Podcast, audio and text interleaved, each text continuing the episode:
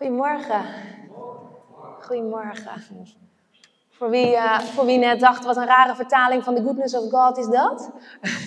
of de goedheid van God, dat is de Oekraïense versie. En we draaien vaak één nummer voor onze Oekraïense vrienden, zodat zij ook even vol in die aanbidding op hun eigen, uh, in hun eigen uh, taal mee kunnen.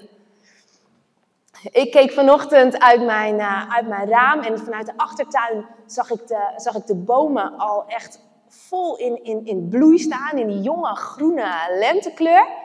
En vanuit het keukenraam zag ik een stel bomen staan die nog, um, nou, wellicht al in de knop zaten, maar ik kon het nog niet zien vanuit de verte. Dus die er nog heel grillig en donker uitzagen. dacht ik, oh, die hebben nog iets meer licht en warmte nodig. Maar ook daar zal, zal het seizoen van de lente zal daar volledig uh, zijn vrucht gaan uitwerken. En die zullen binnenkort ook staan te stralen.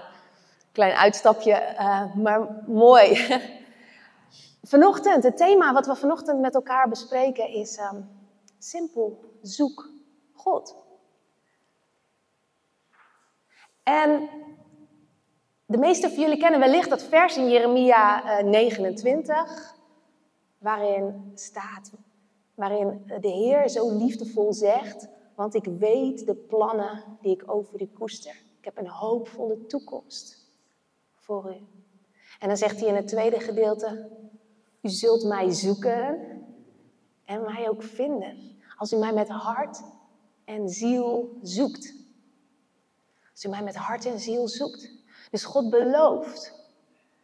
Zoek mij en je zult mij vinden. Ik ben een God die gevonden laat worden. En er, zijn, um, er zullen mensen zijn die nog nooit in hun leven um, Jezus hebben gevonden.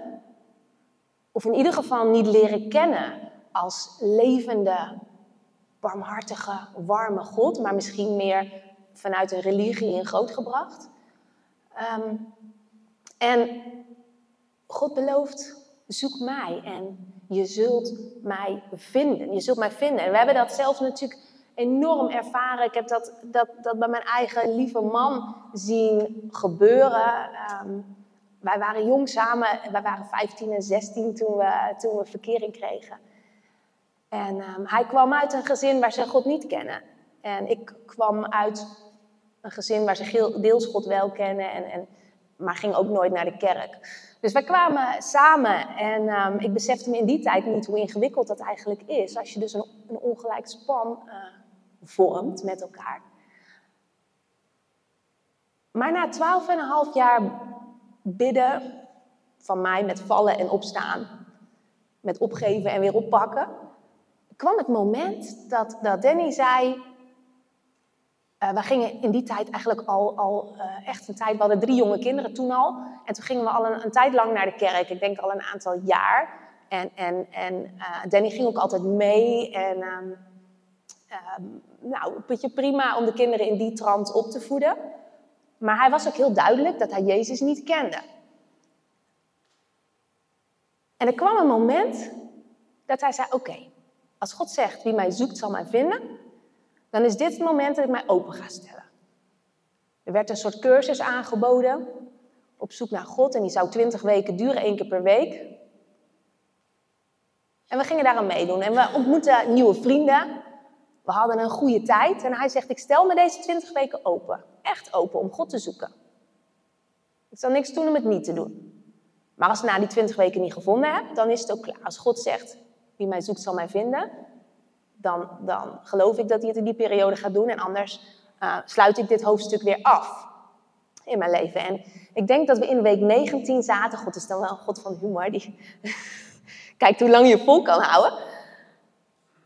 We zaten in week 19 en we hadden echt een prachtige tijd gehad. Um, maar hij had Jezus niet leren kennen als levende God. Hij had Jezus niet in die zin gevonden. En um, en in week 19 stuurt God iemand op ons pad, op zijn pad eigenlijk, die langs hem loopt en die ontvankelijk is om de stem van God te verstaan. En die gehoorzaam is, gelukkig. En dus hij tikt Danny aan en hij zegt: uh, Mag ik je het vragen? Het is misschien een beetje een rare vraag, maar ik heb enorm het gevoel dat ik met jou moet bidden. Mag ik met jou bidden? En dat was voor Danny een moment van: Oeh, het komt nu wel, wel heel, dichtbij. Dus op het moment dat hij op het punt stond om nou nee dankje te zeggen, was er een hele kleine gedachte in zijn hoofd die zei van, hé, hey, maar dit was toch die periode dat je had gezegd, ik zal zoeken. En als Jezus leeft, als God leeft, dan zal ik hem vinden. Dus met dat stemmetje in zijn hoofd dacht hij, oké, dan krijg ik waarschijnlijk altijd spijt. Als ik dat dan niet heb gedaan, dan zal ik nooit weten of ik het dan op dat moment wel heb gevonden. Dus hij zei, dat is goed. We gaan bidden. En wat er op dat moment gebeurde, was dat, dat God hem aanraakte. Dat er zo'n vurige liefde in hem kwam. Alle emoties kwamen bij elkaar, van, van vreugde tot, tot, tot uh, verdriet, tot, tot warm, koud. Alles kwam samen op dat ene moment. En hij wist het zeker. Er was niks meer in zijn hart wat twijfelde of Jezus leeft.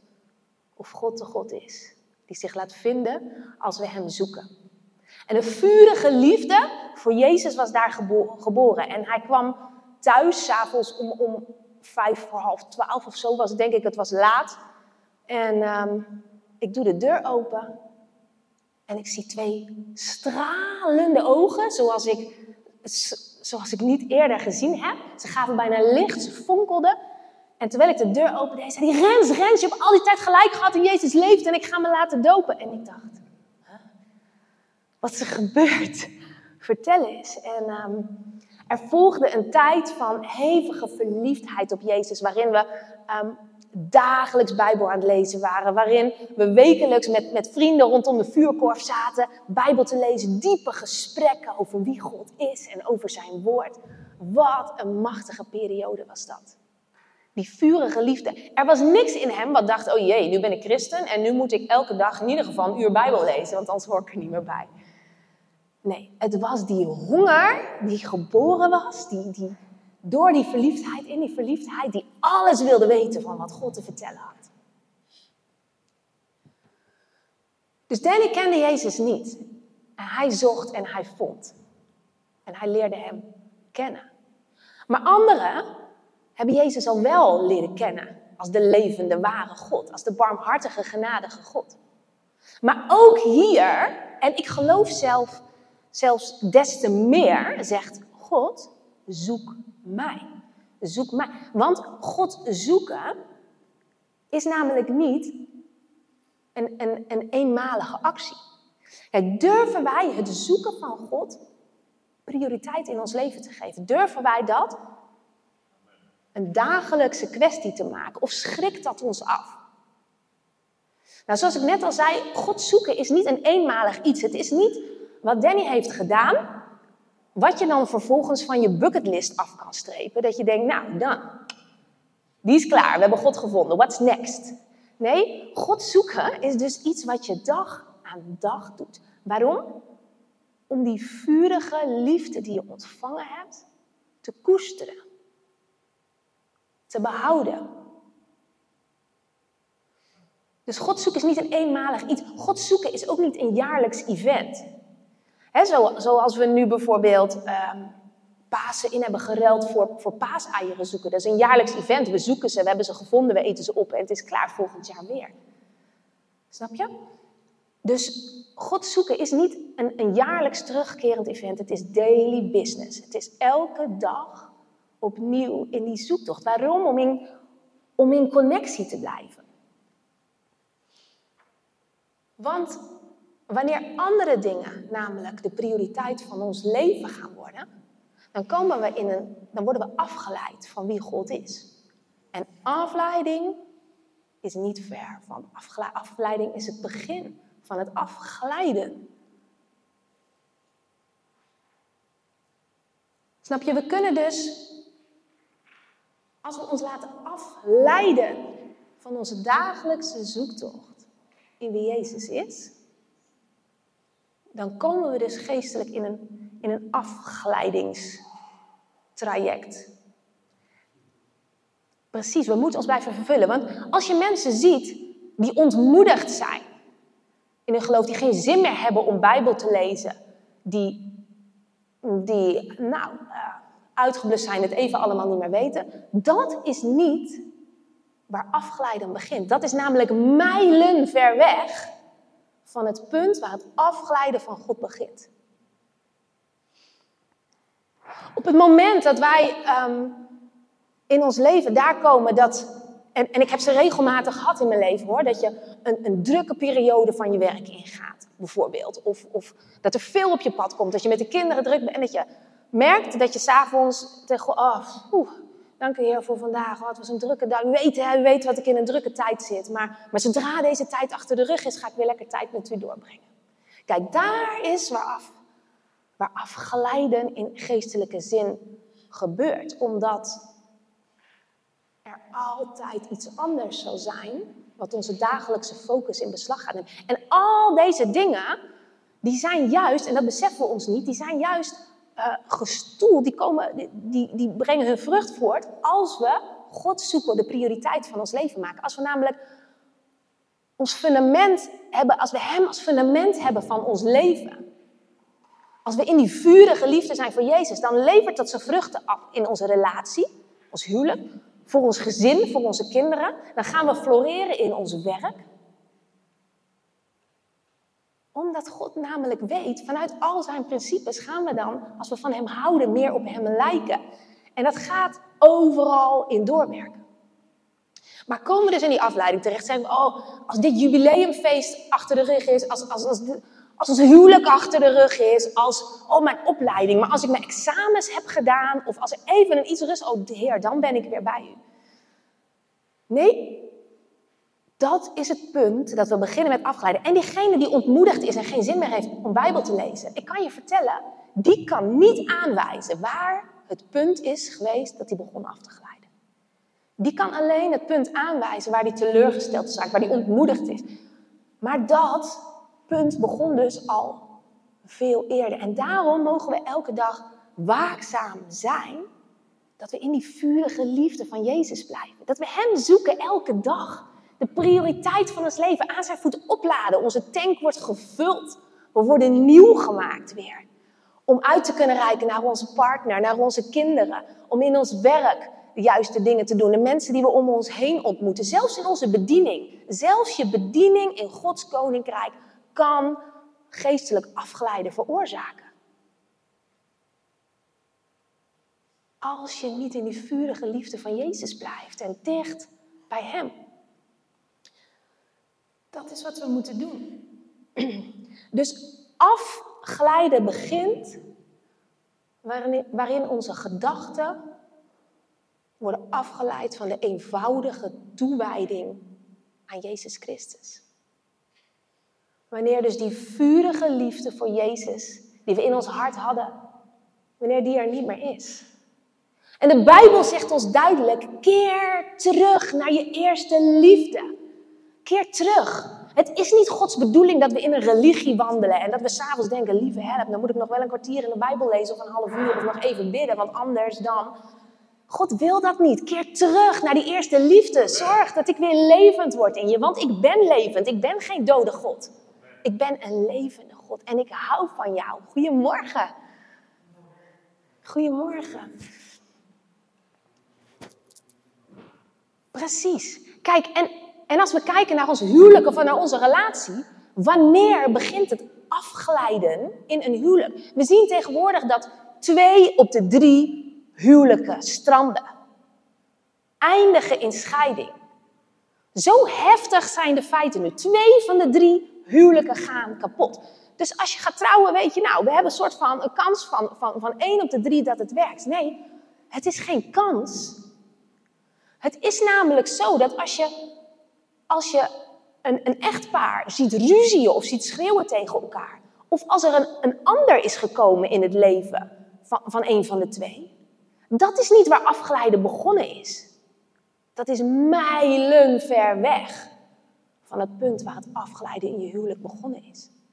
Het afglijden in je huwelijk begint namelijk wanneer het geen hoge prioriteit meer heeft om samen diepe gesprekken te hebben, om, om interesse te tonen in elkaar, om, om tijd met elkaar door te brengen.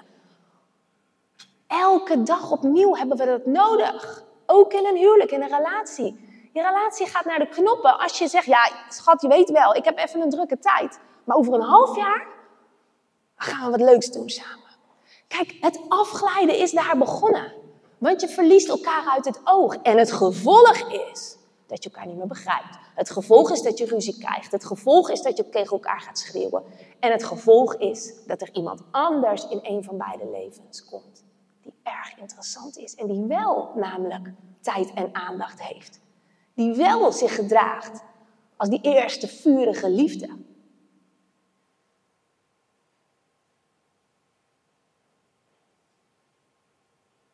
Maar de vangrails hadden we al ver van tevoren moeten zetten. Waak dat we niet afglijden, maar blijf in die vurige liefde. En zo ook in de kerk, weet je, soms komen mensen nog wel in de samenkomsten en ze lezen nog wel Bijbel. Maar het afglijden is begonnen omdat ze de liefde in Jezus verloren zijn. Omdat ze zich niet dagelijks voeden met dat. Kijk, er is geen Bijbeltekst die zegt dat je elke dag in de Bijbel moet lezen. Maar er is wel een Bijbeltekst die zegt: heb de Heer je God lief. Met heel je hart, met al je kracht, met heel je ziel, met heel je verstand, met al je kracht. Dat leert de Bijbel ons. En vanuit die liefde gaan we handelen. Vanuit die liefde denk je, oh, wat zou de Heer hierover zeggen? Wat zou, wat zou God hierover te zeggen hebben? Hoe zou, what would Jesus do? Wat zou Jezus doen in deze situatie? En dat is hetzelfde als in het huwelijk. Weet je, geen, geen echtgenoot heeft er wat aan als je denkt: oh jakkie, dan moet ik vanavond weer tijd met hem doorbrengen. Nou, dan moet maar even een uurtje dan. Dan gaan we wel even op de bank zitten. Snap je? Wat heeft de ander daaraan? Vanuit die liefde wil je met elkaar in gesprek zijn. Anders zal het geen vrucht dragen als je met een zagrijnige kop zit. Nou, vertel maar even wat je op je werk hebt gedaan. Dan zijn we daar ook weer vanaf. Kan ik die ook weer afstrepen van mijn lijstje van vandaag. Snap je? Dus blijf in die liefde. Kijk, God heeft ons hart gemaakt om lief te hebben. Zonder twijfel. Er is niemand op deze wereld die niet lief heeft. De ene heeft een enorme liefde voor mensen, of voor zijn eigen vrouw, of voor zichzelf, of voor zijn kinderen, of, of voor zijn gezin. De ander heeft een liefde voor geld, voor materialisme, voor, voor uh, nou ja, bezit. We hebben overal, iedereen heeft die behoefte om lief te hebben. Er bestaat niet een hart wat in die zin leeg is zonder ergens iets lief te hebben. Omdat we simpelweg gemaakt zijn om lief te hebben. Maar er is maar één die die diepe liefde, waar zo, waarnaar we zo hongerig op zoek zijn, die dat vult. En dat is Jezus Christus zelf. Dat is Hij zelf, die voor ons gestorven is, die zijn leven heeft gegeven en de dood heeft overwonnen, opgestaan is uit de dood. Niemand kan zijn plaats innemen. Niemand kan de plaats van Jezus Christus innemen in ons hart. Het gaat dus om onze hartsgesteldheid. En zoals we net besproken hebben, afglijden is iets wat heel geleidelijk gaat. Ook in een huwelijk wat mis is gegaan. Zal niemand bij de, bij de, dat? Bij de psycholoog, die, die, de counselor die een huwelijksgesprek doet, die zal zeggen, nou waar is dit begonnen? Er zal geen echtpaar zijn die zeggen, ja, ik denk dat dat, ik weet het wel, dat is dat moment dat ik even geen zin had om, of dat ik het even te druk. Nee, het begint met beschuldigen naar elkaar. Ja, maar hij en zij en, en die en daar is een ander in het leven. Nee, afglijden begint zo sluw, zo dat je het niet merkt. Dat niemand dat moment weer kan aanwijzen. En daarom zegt God, zoek mij elke dag. Maak mij de prioriteit van je leven. En waak erover dat je niet gaat afglijden. Houd die liefde vurig. Word geen lauw, warme christen word geen religieus iemand die soort van met tegenzin nog zondag de ochtend opgeeft. Omdat dat, ja, als ik dat niet meer doe, dan is het wel echt, uh, weet je, ik moet wel naar de kerk. God wil niet dat we met tegenzin naar de kerk gaan. Hij wil dat we denken, oh yes, het is weer zondag. Ik kan gewoon heerlijk even met broeders en zusters luisteren naar het woord. Even samen zijn in het woord van God. Dat is wat God wil, wat we, wat we doen. En en als, uh, als we een kijkje nemen in het leven van David, wil ik jullie even meenemen naar Psalm 34. Als je een Bijbel bij je hebt, dan uh, uh, pak het erbij. Anders dan zal het ook op het scherm ehm, getoond worden. Psalm 34. En dan lezen we zo van um, vers 2 tot, vers, tot en met vers 11. Een psalm van David, David, die zo'n vurige liefde voor God had. Ik wil de Heere, zegt David, te alle tijden prijzen. Bestendig zij zijn lof in mijn mond. In de Heere beroemt zich mijn ziel. Laat de ootmoedige het horen en zich verheugen. Maak met mij de Heere groot en laat ons tezamen zijn naam verheffen. Ik zocht de Heere, zegt David. Ik zocht de Heere en hij antwoordde mij. Hij redde mij uit al mijn verschrikkingen. Zij schouwen naar hem en stralen van vreugde. En hun aangezicht zal niet schaamrood worden. Deze ellendige hier riep en de Heere hoorde. Hij verloste hem uit al zijn benauwdheden. De engel des Heren legert zich rondom wie hem vrezen en redt hen. Smaakt en ziet dat de Heere goed is. Welzalig de man die bij hem schuilt. Vreest de Heere, u zijn heilige, want wie hem vrezen, hebben geen gebrek. Jonge leeuwen lijden ontbering en honger, maar wie de Heere zoeken, hebben geen gebrek aan enig goed. Elf versen, waarin zoveel in zit, waarin het zo diep gaat, waarin David zo zijn hart toont en ons de waarheid toont van hoe het werkt. Want dit is namelijk precies hoe het werkt. Dit is precies hoe het werkt. Ik zocht de Heer en Hij antwoordde mij. Hij redde mij uit al mijn verschrikkingen. Dat is wat God doet. We hebben zo vaak ook getuigd van, van hoe God redt van, van verschrikkingen in ons leven. Maar de Bijbel staat er nog veel voller van. Van mensen die getuigen van hoe God ingegrepen heeft, hoe Hij gered heeft uit verschrikkingen in hun leven. En dan, ze schouwen naar hem en stralen van vreugde. We komen er niet als een soort van, van neergeslagen beestje uit. Nee, hij vult ons van binnen met zijn vreugde. En we stralen van die vreugde. Deze ellendige, zegt David, deze ellendige hier. Dat kan ik ook zeggen over mijn leven. Deze ellendige hier riep. Maar de Heere hoorde en verloste mij uit al mijn benauwdheden. Vrees de Heer, ontzag en eerbied voor zijn heilige naam, voor wie hij is. Want we hebben niet met hem geknikkerd. Maar toch, hij is de allergrootste God, maar toch is hij zo dichtbij en heeft hij ons zo lief. Meer als een vriend ooit zou kunnen geven in dit leven. Dus wie de Heere zoeken, zegt hij, hebben geen gebrek aan enig goed. Nou, dit hoeven we niet als mensen te gaan bagatelliseren. Ja, maar goed, we leven wel in een gebroken wereld en... Nee, David zegt, wie de Heere zoeken hebben geen gebrek aan enig God. Jezus is gekomen om leven en overvloed te geven. Niet omdat wij uh, in een gebroken wereld leven en ons kruis op ons moeten nemen. Ons kruis op ons nemen is iets heel anders dan gebrek lijden in dit leven ons kruis op ons nemen, dat betekent dat ons eigen vlees, ons eigen wil, ons eigen egoïstische ikje, soms even een kopje kleiner moet worden. En we even in die gehoorzaamheid en geloof, en dat doet zeer, dat is je kruis op je nemen. Maar je kruis op je nemen is niet gebrek lijden. Dat is niet niks meer hebben.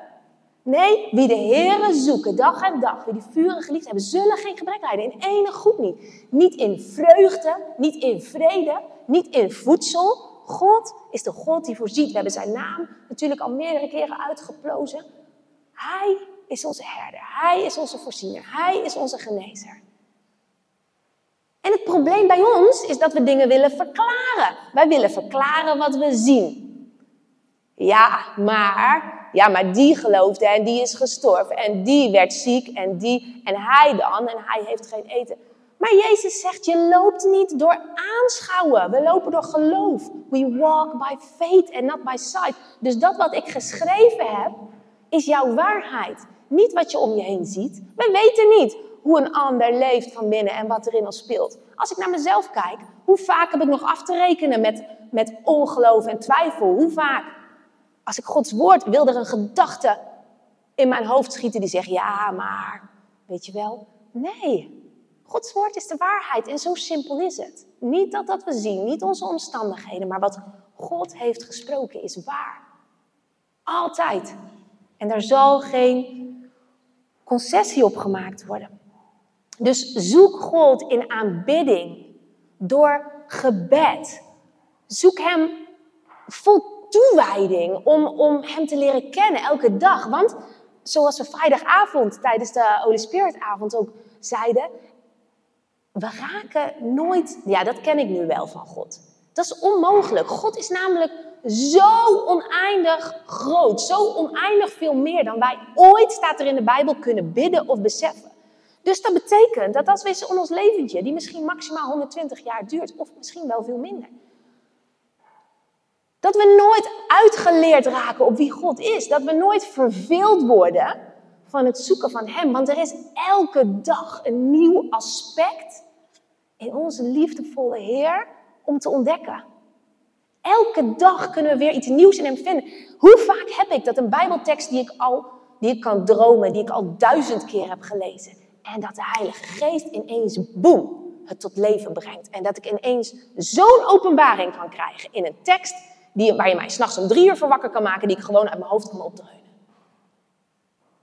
Maar God is het, die zijn woord levend maakt. Dus hij heeft ons geen dood boek gegeven. Hij heeft ons leven. Dus zelfs in de versen die we al kennen, zelfs al ken je de Bijbel van A tot Z.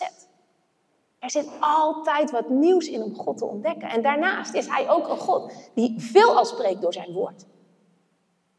Maar door zijn woord ook in onze gedachten. En op vele manieren is God natuurlijk de God, kun je zijn stem leren verstaan. Het is in elke dag een avontuurlijke zoektocht die we met hem kunnen doen. In Psalm 9, vers 11, uh, je hoeft er niet bij te zoeken, maar hij komt wel op het scherm, staat... Daarom vertrouwen wij, uh, daarom vertrouwen op u, wie uw naam kennen.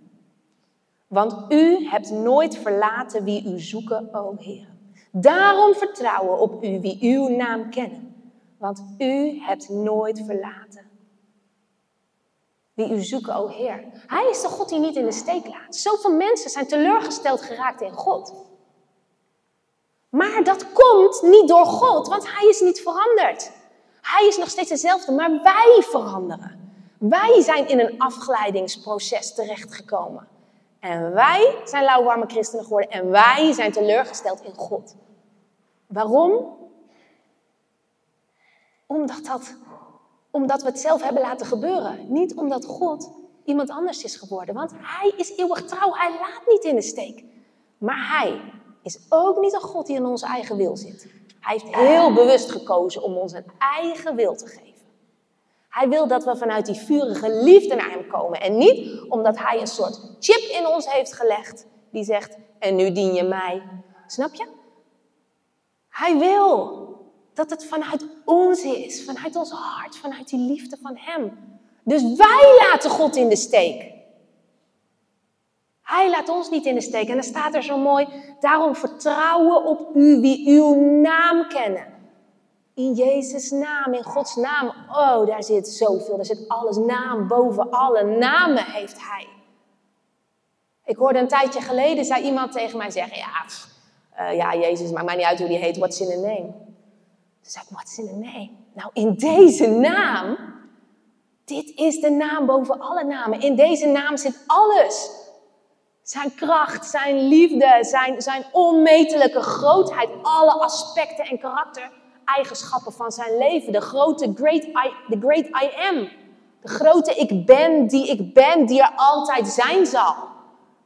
What's in a name? Wauw, daar zijn we een leven lang mee bezig om te ontdekken. What's in his name?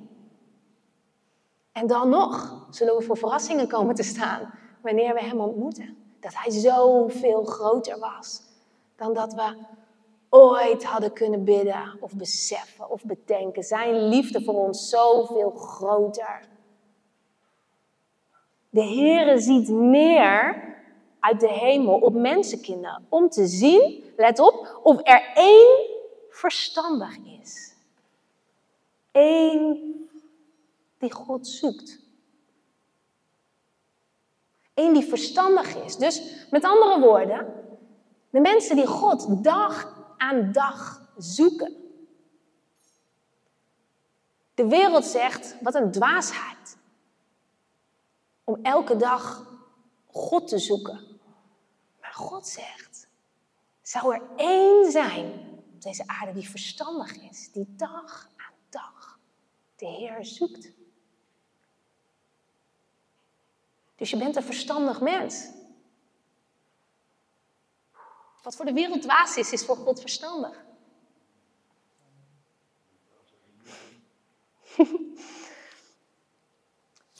Maar we moeten oplettend blijven dat die liefde in ons hart niet verkoeld raakt. Als we naar het leven van Salomo kijken. Uh, Salomo, de zoon van, van David, van David die hier die psalmen heeft geschreven. Precies, als we, naar we naar zijn leven kijken. David waarschuwde hem toen hij de troon kreeg. Hij zei tegen zijn zoon Salomo, luister, wandel nauwgezet in de wegen van de Heer. Want God heeft ons beloofd als jij dat doet, als jij, als mijn zoon dat doet, dan zal het ons niet aan ontbreken aan iemand van ons nageslacht op de troon van Israël. Wandel nauwgezet volg mijn paden. En we weten hoe Salomo begon. Zo, wauw. Vol ontzag en vrees voor de Heer. Zo was hij grootgebracht. Zo was Salomo opgegroeid. Vrees en ontzag voor de Allerhoogste God. Want Hij redt uit al je verschrikkingen, uit al je benauwdheden. Hij is trouw tot in oneindigheid.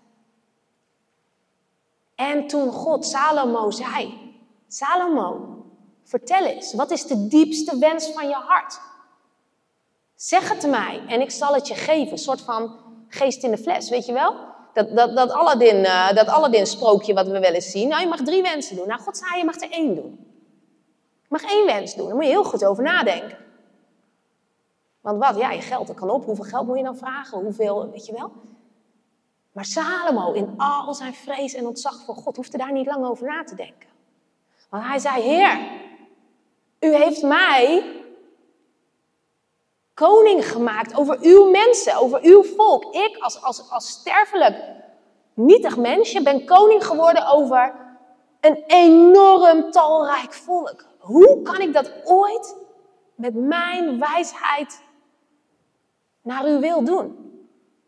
Ik heb één ding nodig van u, Heer, en dat is uw wijsheid, uw inzicht om dit volk te richten, zodat het in, in, in eerbied en ontzag voor u opgroeit. Dat was de wens van zijn hart, dat was de vurige liefde die Salomo had.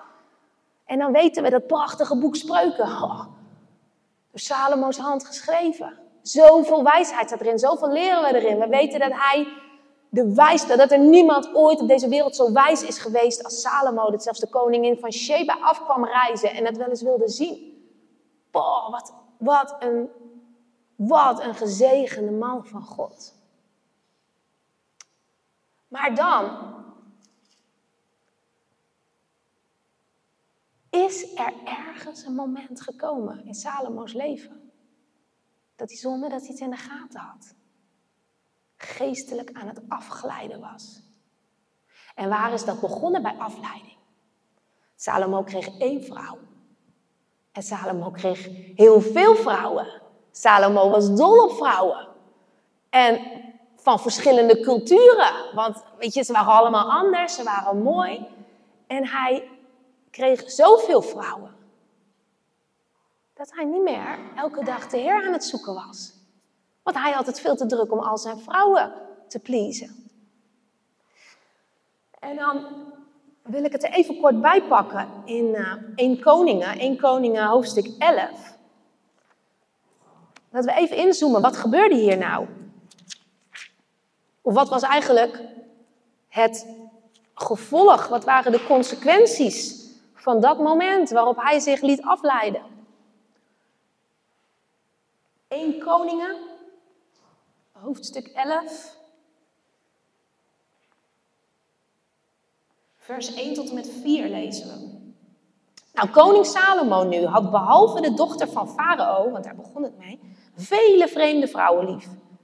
Moabitische, Ammonitische, Edomitische, Sidonische en Hethitische, behorende tot die volken van wie de Heere tot de Israëlieten had gezegd, gij zult u met hen niet inlaten.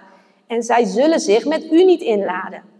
Voorwaar, zij zouden namelijk uw hart meevoeren achter hun goden.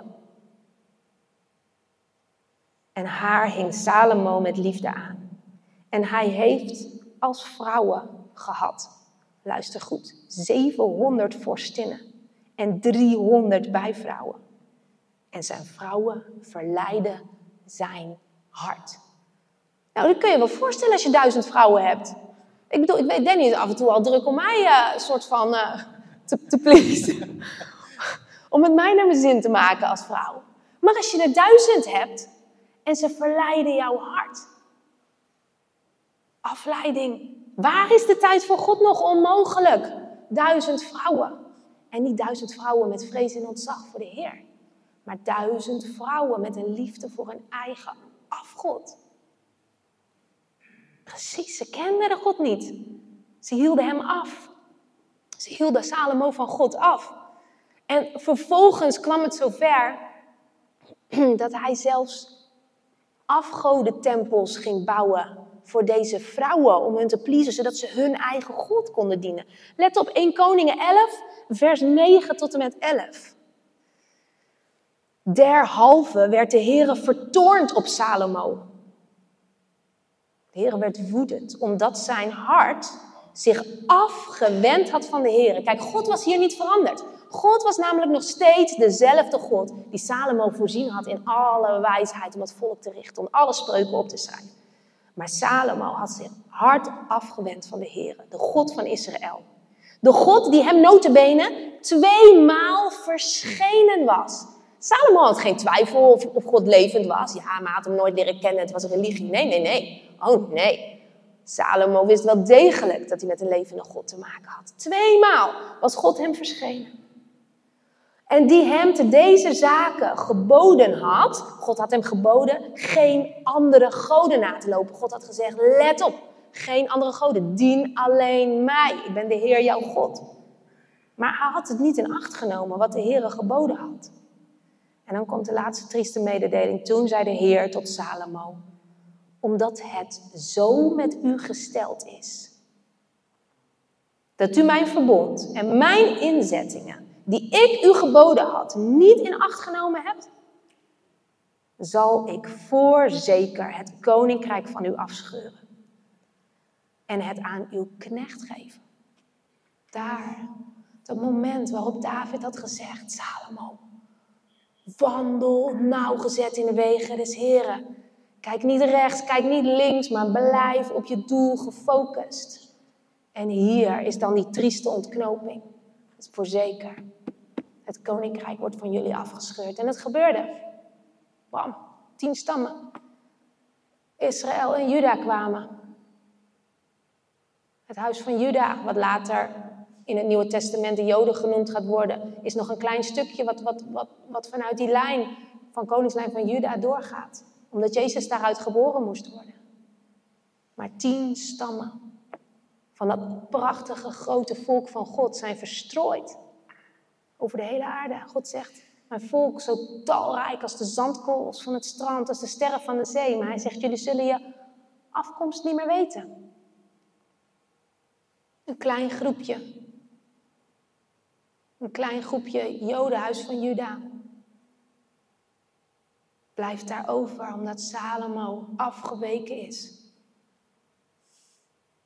Van de wil van God omdat Salomo niet heeft gewaakt over dat punt waar de afleiding kwam, waar hij in die comfort kwam en in de rijkdom van vrouwen. Niemand is ooit zo rijk geweest op de hele wereld als Salomo. God wil niet dat we arm zijn. Het was oké. Hij mocht genieten van alles wat hij had, maar er was één opdracht. Laat al je rijkdom en alles wat je hebt niet afleiden van wat God is. En daarom zegt God, waarschuwt God ons nu al als ik je in het kleine niet kan vertrouwen? Hoe moeilijk zal het zijn in dat grote? Gaat je nooit lukken. God wil ons in het kleine, wat we hebben, kunnen vertrouwen. Hij zegt, het zal je aan geen gebrek leiden. Ik zal altijd bij je zijn. Maar durven we zijn wetten te volgen? Simpel ding met bijvoorbeeld, weet je wel, ehm, ehm, zoals die rijke jongeling. Die rijke jongeling in het Nieuwe Testament. Zo lief had hij God. Alles wilde hij doen. Hij hield de geboden in acht.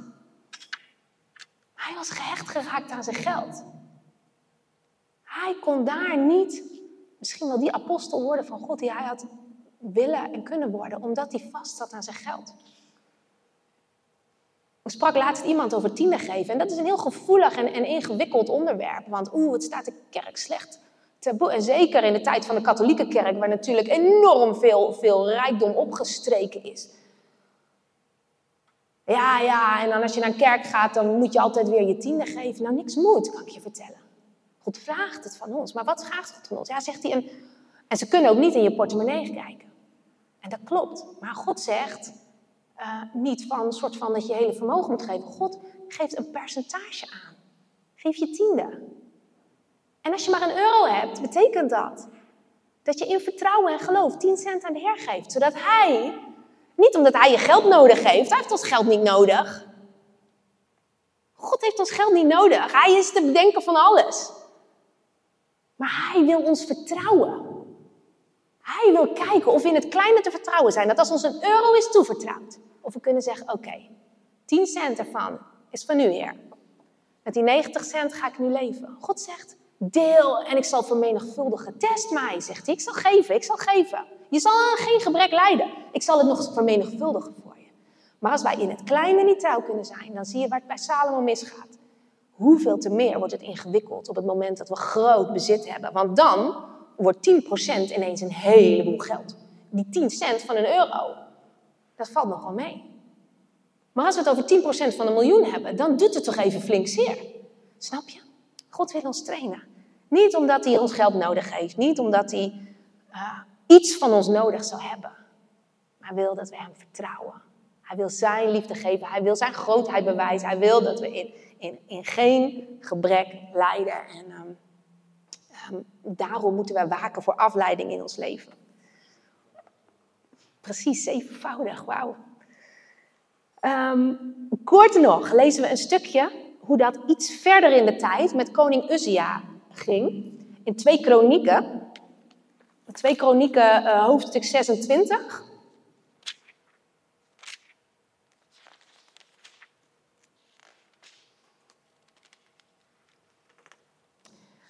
En dan vers 5 tot en met 7. 2 Kronieken 26, vers 5 tot en met 7. Kijk, en, en Uzia, dat was een jongen die op 16-jarige leeftijd al koning werd van, eh, van Juda. Omdat, nou ja, zijn, zijn, vader gestorven was. Hij moest op 16-jarige leeftijd al regeren. En hij had iemand die hem uh, onderrichtte, Zekaria, die hem hielp om in dat koningschap te groeien. Nou, dan lezen we vanaf vers 5. Hij, dat is dus uh, Uzia, zocht God. Zolang Zekaria leefde. Zekaria, dat, dat was degene die met hem meeliep om hem te helpen doen groeien in dat koningschap. Dus um, Uzia zocht God, zolang Zekaria leefde. Die hem onderrichtte in de vrezen Gods.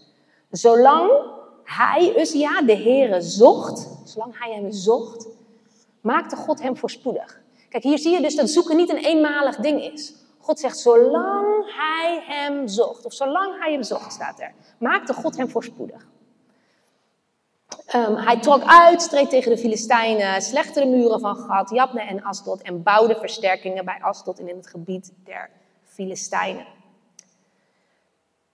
Uh, tegen de Arabieren die in Gur-Baal woonden en tegen de Meunieten. Dus hij deed grote dingen. Zolang hij de Heer zocht, was God bij hem.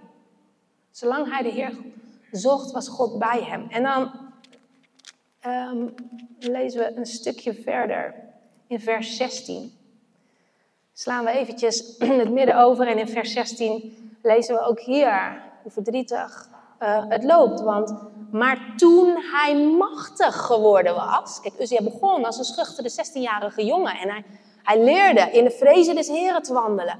Hij leerde elke dag God te zoeken, elke dag. Maar toen de dingen vanzelf gingen en hij was machtig geworden en groot, of hij dacht dat het vanzelf ging, werd zijn hart, zegt vers 16, zo hoogmoedig dat hij zeer snood handelde en ontrouw werd jegens de Heere zijn God. Door de tempel des Heeren binnen te gaan. Om op het reukofferaltaar reukwerk te ontsteken. Wat natuurlijk totally not done was, wat weggelegd was voor de priesterstam. Maar in zijn hoogmoed, in die afleiding, door de macht, in het comfort, was er hoogmoed en trots in zijn hart gekomen. Hoogmoed en trots in zijn hart. En hoogmoed en trots maakt de val. Het is allemaal begonnen met afleiding. Afleiding van het zoeken van de Heer elke dag. Want de Heer heeft gezegd, zolang je mij elke dag zoekt, zal ik je wegen voorspoedig maken. Maar hij is dus, op een bepaald moment, is de duidelijke conclusie hier. Is hij in die afleiding geraakt. Hij is de Heer niet meer gaan zoeken. Dus dat zal niet een 24 uurs kwestie zijn geweest, dit. Dat hij ineens ochtends wakker wordt en dacht, oh, ik ben machtig geworden. Nee, dit is, dat was al mijlen veel verderop. Hij is afgeleid geraakt. En in die afleiding is het misgegaan. Kwam er trots en hoogmoed in zijn hart. En vond hij uh, zichzelf een, een, hele pief. En ik had aan het begin even gerefereerd aan, aan, aan, aan hoe Danny, mijn man, Jezus als zijn eerste liefde leerde kennen. Maar ook wij hebben daarna in ons leven, na een glorieus jaar waarin we wow, smulden van, van wat God te bieden had, van die Bijbel, van elke dag met vrienden, is er een moment gekomen en ik kan hem niet aanwijzen. Ik weet niet wanneer het is gebeurd, maar er is een moment gekomen dat er blijkbaar afleiding in ons leven is gekomen. Dat de, de drukte van de dagelijkse dingen, van werk, van I don't know, in ons leven is gekomen. Waardoor die liefde bekoeld is geraakt. En waardoor we jarenlang als lauw, warme christenen doorwoekerden. Oh, we gingen zondag naar de kerk en tuurlijk praten we met God. Tuurlijk was het niet dat we God helemaal kwijt waren. Maar die vurige liefde voor God, dat, dat je daar een week denkt, oh, je eigenlijk niet meer in de Bijbel gelezen. Moet eigenlijk nog een keer even weer even die Bijbel erbij pakken. Even een moment, ja, het komt er deze week niet uit. Maar volgende week ga ik echt even weer... Snap je, dan hebben we geen honger. Dat is geen honger, dat is een soort van gewetenskwestie. Dat je denkt, ah, de tijd gaat voorbij. En uh, ik heb hem al zo lang niet gevuld met het woord van God. Dus ook in ons leven kwam daar het moment, zonder dat ik hem kan, kan benoemen. Afleiding. Afleiding, ja, het gaat, het gaat zo sluw, zo snood, zo snel. Dus elke dag opnieuw. Elke 24 uur, elke dag als we wakker worden. Dat Jezus het doel zijn van onze dag. Zoek de Heer. Zoek de Heer. En de Heer Jezus kwam op aarde om het ons voor te leven. Hij had één doel. Hij had één doel. Hij kende zijn eigen identiteit in God. En hij zocht elke dag in zijn wandel de wil van de Vader. Elke dag zocht hij de wil van de Vader. Zijn vurige liefde voor God schijnde door hem heen en raakte mensenharten aan. In Matthäus 7, vers 7 staat: Bid en u zal gegeven worden. Zoekt en gij zult vinden. Jezus zegt: Want een ieder die bidt, ontvangt. En wie zoekt, vindt. En voor wie klopt, zal open gedaan worden. In de wandel van Jezus zagen we dezelfde liefde als zijn vader. En hij verkondigt ons hier hoe het exact zit. Bid en u zal gegeven worden. Zoek en u zult vinden. Want een ieder die bidt ontvangt. En wie zoekt vindt en voor wie klopt zal opengedaan worden. En let op wat er staat. Durven we te geloven wat hier staat? Want er staat namelijk een ieder die bidt ontvangt. Er staat niet sommigen die bidden zullen ontvangen en sommigen die zoeken zullen vinden. Nee, er staat een ieder. Een ieder. Een ieder zal zoeken, die zal vinden.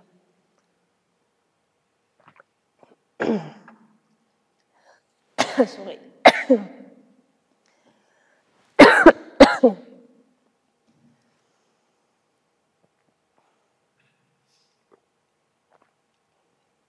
Een ieder. De stem gaat er van weg. maar halleluja, het is de waarheid. de waarheid mag gezegd worden. Een ieder die zoekt zal vinden. En ieder die bidt zal ontvangen. Hebreeën 11, vers 6. Zoek hem er even bij.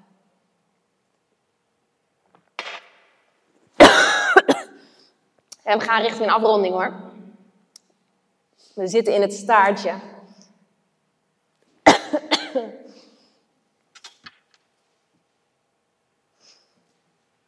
Hebreeën 11, vers 6.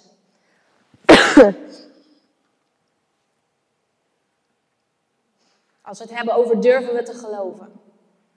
Daar staat. Maar zonder geloof is het onmogelijk om God te behagen.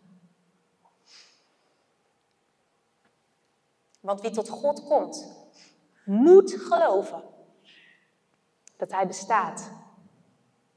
En dat Hij een beloner is voor wie Hem ernstig zoeken. Ernstig zoeken. Ernstig zoeken. Elke dag opnieuw. Zolang Hij de Heere zocht. Zonder geloof is het onmogelijk om God te behagen. We moeten geloven. We moeten niet uitgaan van onze omstandigheden, van dat wat we zien. Maar God zegt: geloof wat ik zeg. Geloof wat ik zeg voordat je het ziet. Al zie je andere dingen, geloof wat ik zeg. Want wie tot God komt, moet geloven dat Hij bestaat en dat Hij die beloner is van degene die Hem ernstig zoeken. We mogen God ernstig zoeken. Ik wil uh, met jullie afsluiten met um, volgende Bijbeltekst. En die heb ik niet aan jou doorgegeven, want ik heb hem vanuit de Amplified vertaald. Dus jullie moeten extra goed luisteren. Het is namelijk Psalm 105, vers 4. Um, ehm, Amplified is natuurlijk de Engelse vertaling, maar vanaf het Nederlands kun je daar eigenlijk van maken: zoek en verlang diep naar de Heer en zijn kracht. Zijn kracht en zijn macht. Zoek en verlang diep naar zijn aangezicht en zijn aanwezigheid. En dan staat erachter voortdurend. Continually, zegt de Amplified Bible. Continually. Dus zoek en verlang vanuit je hart. Verlangen komt vanuit je hart. Dat zien we allemaal. Als je ergens naar verlangt, als je iets begeert. Als je iets hebt gezien in de winkel, dan is er een verlangen geboren wat je graag wil hebben. En dan zorgen we dat we het gaan halen. Want dat is de vervulling van dat verlangen. Dus zoek en verlang diep naar de Heer en zijn kracht en zijn macht. En zoek en verlang ook diep naar zijn aangezicht. Gods aangezicht. We mogen zijn aangezicht zoeken. Wauw, hij is een God die van aangezicht tot aangezicht zoveel mensen in de Bijbel relatie heeft gehad. En, en met ons ook. Vanuit geestelijke ogen mogen we hem leren zien. Zijn aanwezigheid, zoek zijn aanwezigheid. Voortdurend, continually in zijn aanwezigheid mogen wandelen. Wat een groot cadeau van de Allerhoogste God. Dat we voortdurend, een ieder, voortdurend in zijn aanwezigheid mogen wandelen. Als wij willen geloven dat hij een beloner is van degene die hem ernstig zoeken. Laten we met elkaar bidden. Geloven we dit? Amen. Amen. Amen. Vader, oh liefdevolle Vader, almachtige God. Oh, dank u wel. Dank u wel. Dat u een levende God bent. Dat u ons ziet. Dat u ons zitten en ons opstaan, ons wandelen ziet. Heer. Dat u ons elke dag ziet. Dat u zoveel van ons houdt. Dat u ons uw enige geboren zoon gegeven heeft. Dat een ieder die in hem gelooft niet verloren hoeft te gaan. Dat is het diepste doel van u. Om mensen terug te winnen. Om mensen terug te krijgen die vurige liefde voor u. Om niet van ons religieuze robots te maken. Om niet van ons mensen te maken die, die dwangmatig naar wetjes wandelen, Heer. Maar dat u de wet in ons zo levend maakt dat we niks anders willen dan ons naar uw wet te voegen. Omdat we zien dat dat vrucht draagt, dat dat het juiste brengt in het leven. Dat het andere mensen tot zegen is, dat het onze partner tot zegen is. Dat het onze kinderen tot zegen is. Omdat u de allerhoogste God bent. Omdat u de God bent die schepper van hemel en aarde is. Die de mens gemaakt heeft naar uw beeld en gelijkenis. En wie weet beter wat goed is voor die mens dan deze allerhoogste levende God, dan u alleen. U alleen. U die een beloner bent van degene die in geloof uw ernstig zoeken. Met een diep verlangen naar uw macht en uw kracht. Niet naar, naar, naar platte bijbelse woorden, maar naar het levend woord van God. Het woord wat levend wordt gemaakt in al uw macht en kracht nog steeds hetzelfde is. Want u toont uw macht, uw kracht, uw wonderen nog steeds dagelijks. Vader, dank u wel. Dank u wel voor uw liefde voor ons. Dank u wel voor de mensen die vanochtend hier naartoe zijn gekomen met een verlangend hart om van u te horen. Om u te leren kennen steeds beter. Omdat we nooit uitge, uitgezocht zijn in dit leven om u diep en diep te leren kennen. Dank u wel. Dank u wel, Heer, voor een ieder die een eerbied en ontzag voor u hier vanochtend gekomen is. Om te ontvangen. En u bent een God die zegt, wie mij zoekt zal vinden. Ik ben een beloner van degene die mij ernstig zoeken. Dus ook zegen en ieder hier vandaag en ieder hart in de naam van Jezus Christus. Heer, dat u uw macht en uw kracht steeds meer openbaart. Dat die vurige liefde weer terug mag komen. Heer Jezus, en dat het niet een moeten wordt, maar dat het een diep en diep verlangen van ons hart is. En ik dank u voor de kinderen hier vanochtend ook, die zo geduldig en liefdevol gekleurd hebben, Heer, in het huis van God. Dank u wel, ik zegen ook hen in de naam van Jezus, dat ze op mogen groeien met een verlangend hart naar u, naar wie u bent. Naar u echt te leren kennen. In een tijd waarin de wereld steeds goddelozer wordt en steeds ingewikkelder en steeds meer afleiding kent. Als we het over afleiding hebben, Vader, dan leven we in een tijd die nog nooit zo heftig is geweest als nu. Afleiding is overal. Overal, zelfs in de wachtkamer van de dokter, worden we afgeleid door ons mobieltje. Heer Jezus, zo zegen ik ook deze kinderen in het opgroeien in deze tijd. Dat ze dicht bij u blijven. Dat hun hart wordt vervuld met een diep verlangen naar de Allerhoogste God. Dank u wel. Dat u de God bent die waakt en beschermt. Dat u de levende God bent en dat u nooit veranderd bent. Eeuwig trouw, altijd dezelfde. Vader, ik zegen ieder hier de rest van de dag ook in de naam van Jezus mogen genieten. Van de rustdag hier. Heerlijk met elkaar, met gezin, met familie, met vrienden. En uh, ook de komende week die weer voor ons ligt, waarin uh, afleiding weer op de loer ligt, Heer.